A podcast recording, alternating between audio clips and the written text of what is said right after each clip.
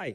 Norges Bank satte opp renta i forrige uke til tross for både omikron og høye strømpriser, men vi så også et klart taktskifte fra flere andre sentralbanker. I denne postkassen i dag så ser vi litt nærmere på hva som ligger bak eh, de mer haukete signalene fra verdens sentralbanker, og så diskuterer vi litt hva vi kan ha i vente for eh, særlig markedsrentene neste år. Følg med!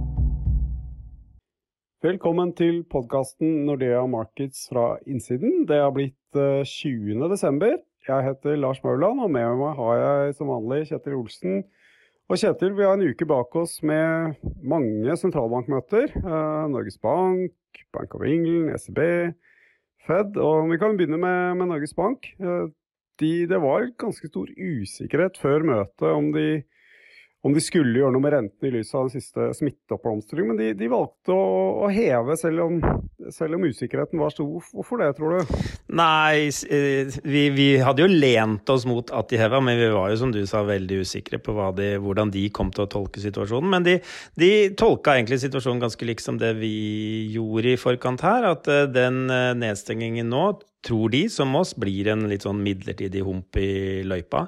Jeg tror det er det viktigste. At eh, boosterdoser som nå kommer inn, eh, legger de til grunn, vil, eh, vil avhjelpe smittesituasjonen. Og, og, og, når vi da får på en måte åpnet opp samfunnet igjen, så, så, sier jo de, som vi har sagt lenge også, at da kommer økonomien tilbake som et bang. Og, og den pekte også på at liksom, økonomien hadde gått utrolig sterkt gjennom høsten. Eh, og hadde det ikke vært for den nedstengingen her nå, så hadde mm, oppjusteringen av rentebanen vært eh, betydelig større enn det som faktisk eh, kom. Da. De, de tok jo ned rentebanen litt i starten, og så oppjusterte de litt på, på sikt. Mm. Ja, Så rentebanen ender litt høyere enn den gjorde i september. Ja, og, og det er jo det er, fordi Er det, er det sjette opprevideringen? Av ja, det, det er, de har gjort det hver gang siden uh, mai 2020, så, og det er jo noe vi har pekt på lenge også. Så det, og på sånn anslag og sånn, så ser vi at de har justert opp utsiktene for både pris- og lønnsveksten ganske markert. Så det, det var kanskje det største skiftet de gjorde fra september. Uh, Eh, prognosene. At nå ser de for seg eh, betydelig høyere prisvekst, også underliggende, eh, og, og lønnsvekst, lønnsvekst, ikke minst, i hvert fall litt lenger fram i tid. er det i dette her også en liksom anerkjennelse at det er ikke liksom primært pengepolitikkens oppgave å redde økonomien når vi får for en pandemi? Jeg tror nok det er en delvis erkjennelse av det også. Det er jo flere som har stilt spørsmål, uh, her, herunder undertegnede, om, om på en måte nullrente var det riktige verktøyet i en pandemi. Uh, så det kan nok være også det at uh, de har måtte, lært at pandemier og nedstenginger, det er finanspolitikk og overføringer er på en måte de virkemidlene som virker mot det. De treffer på en måte de sektorene som blir ramma, mens pengepolitikken er et veldig dårlig virkemiddel. Ehm, og når du da samtidig ser at, at sant, veksten og økonomien kommer veldig fort tilbake, og at om noe så havner du egentlig bare ut med høyere pris- og lønnsvekst, så, så er nok det en delvis det som ligger, ligger bak den, den, endringen også vi så fra Norges Bank. Da. Altså de, de, bruker nå ord som liksom, vi er redd for å havne bakpå, og, og nevner liksom Det er i hvert fall en risiko for at pris-lønnsspiraler kan begynne å settes i gang. Mm. Ja, for kryssjekker du det rente vi har, nå, med liksom, situasjonen i arbeidsmarkedet, enten det er ledighet eller lønnsvekst eller eller hva det er, så ser det ut som rentene skulle vært en god del høyere allerede. Ja, og det peker jo også sentralbanksjefen på i, i intervjuer og i aviser og sånn, at vi, han minner alle om at vi har fortsatt et ekstremt lavt rentenivå. Og, og jeg leser det dit hen at de, de, de, de, føler nok at rentenivået er for lavt, på en måte. Gitt uh, ståa, situasjonen i økonomien og utsiktene for, for økonomien og, og pris- og lønnsvekst fremover. Mm. Men uh, det var ikke ja. Det virker jo da ganske tydelig som at det skal, skal ganske mye til. da, At de ikke fortsetter å støtte opp rentene hvert kvartal, sånn som de har lagt mer eller mindre til grunn.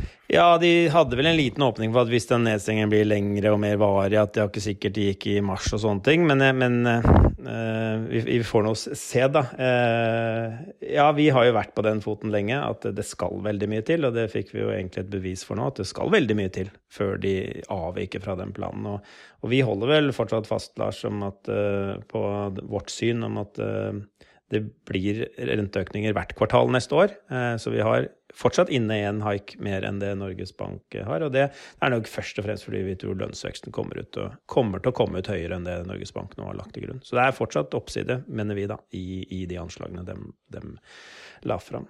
Men det jeg tenkte, Lars, var jo at Norges Bank var jo én ting. Det, det, var jo egentlig et ganske markert skifte. Eh, egentlig internasjonalt i, i, pengepolitikken. Det var jo ikke bare Norges Bank som liksom dro til et hakk her nå. Du, du nevnte Bank of England og Fed, og, og, til og med også ECB. Så, ja. ja.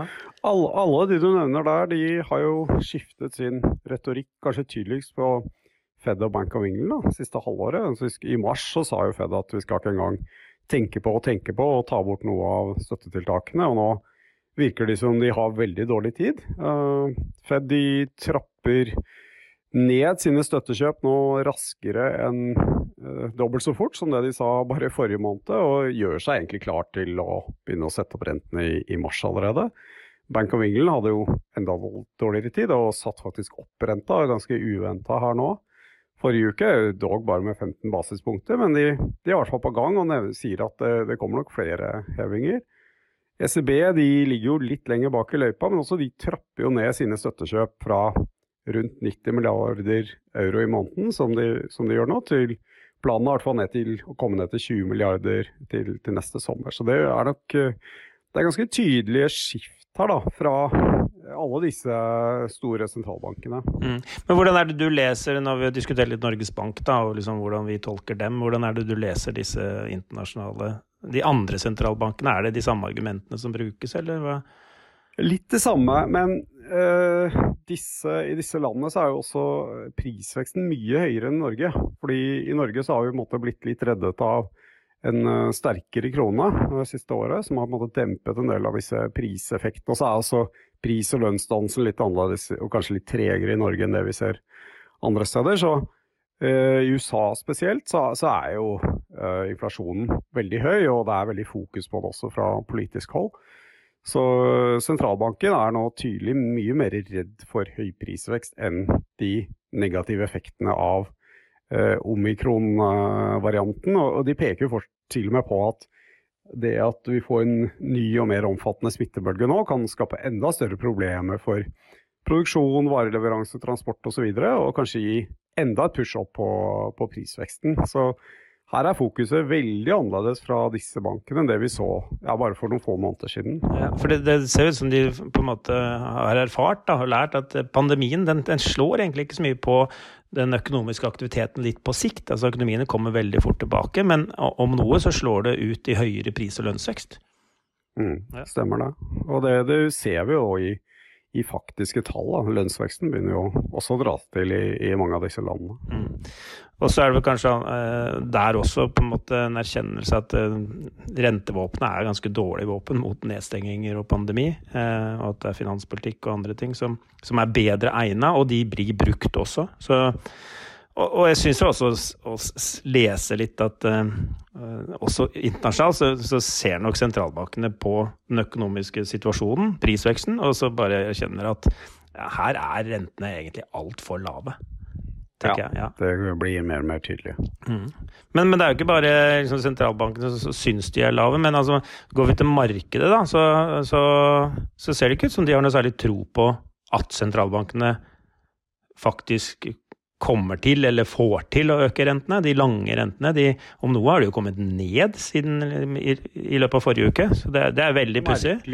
Ja, det er pussig, ikke sant. Og uh, som du sier, det, markedet følger liksom sentralbankenes uh, implisitte uh, anslag, eller eksplisitte anslag på, på styringsrente som det neste sånn halvannet året drøyt. Og så sier de det høyere enn dette klarer de ikke å få rentene. Så da blir det ganske stort gap da, hva sentralbanken venter renta skal være om, si om tre år, da, og hva markedet venter. Uh, det skal være, Gap kan være nesten opp mot et, et helt prosentpoeng. Og vi har jo sett tidligere at når, når, når i hvert fall Fed har blitt måte, ikke klart å få opp de lange rentene fordi at i USA er det jo de lange rentene som teller. Mm. Der har man jo, altså Både bedrifter og husholdninger har stort sett eksponering mot lange fastrenter. Så det at kortrente kommer opp, det slår ikke så mye på lånekostnadene. Det, det, gir jo egentlig ikke noe særlig innstrammende effekt på pengepolitikken da, hvis det er bare korte renter som stiger. Mm. Så, um, så Ja, ja, den setningen ja. jeg begynte på altså Forrige gang i, i, eller forrige gang det skjedde, da, 2004 til 2006, så fortsatte jo Fed måtte bare haike og haike og haike, eh, helt til de klarte å dytte lange renter opp. Det er fordi det, det resonnementet du hører fra mange markedsaktører, da, hvorvidt det er riktig eller ikke, eller om det er bare sånn etterrasjonalisering, det er jo det at nei, nå tror vi at liksom, sentralbankene går for fort fram. eh, De øker for mye, og det kommer til å påvirke veksten om et år eller to og, og føre til nedgangstider, og da må de sette renta ned igjen. Så de klarer ikke å få rentene eh, opp, og, og dermed sender de da eh, fremtidsrenter og lange renter ned på et vis, eller sender og sender, men det, det er i hvert fall eh, konsekvensen, eller det, det vi ser i markedet, da. Men det, det høres litt snodig ut, den, det resonnementet, all den tid det er de lange rentene som faktisk betyr noe.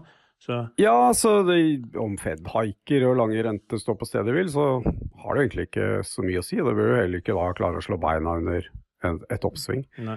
Så jeg er helt enig med deg, Kjetil. Eh, Dette virker litt, litt snodig. Eh, Men så er det jo, det er jo noen andre effekter der også. Det er jo en del som eh, kjøper disse lange obligasjonene, kanskje ikke fordi at de ikke syns at rente på halvannen prosent eller litt høyere for en 30-årsobligasjon er, er spesielt bra, men, men de har kanskje ikke noe valg. Da. Det er jo eh, regulatoriske hensyn å ta. og Sist også ser vi fra, fra pensjonsselskaper i, i USA som har hatt en veldig god eh, avkastning på sin investeringsportefølje i år, fordi aksjemarkedet og kredittmarkedet har gått så bra.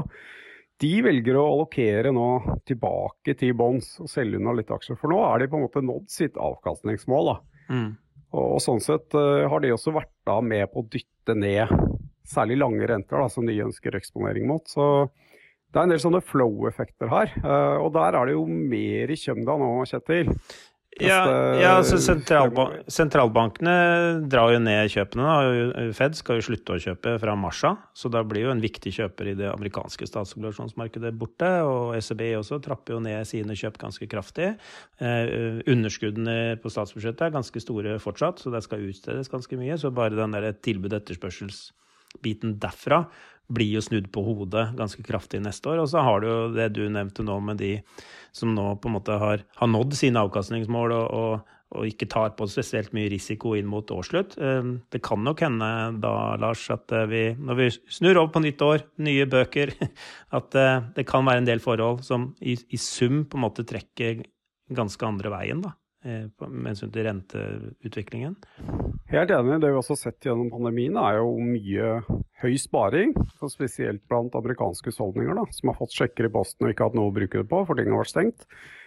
Og mye av den sparingen har jo endt opp også i obligasjonsmarkedet. Og vi ser jo at spareatferden er, på vei til å normaliseres. Så mindre, færre kjøpere og fortsatt mye utbud av, av obligasjoner det, fremover. Det, jeg, jeg tror det kan gjøre en endring på, prisbildet og på, på rentebildet uh, i obligasjonsmarkedet de neste årene. Så er det jo et gammelt ordtak som heter 'don't fight the Fed'.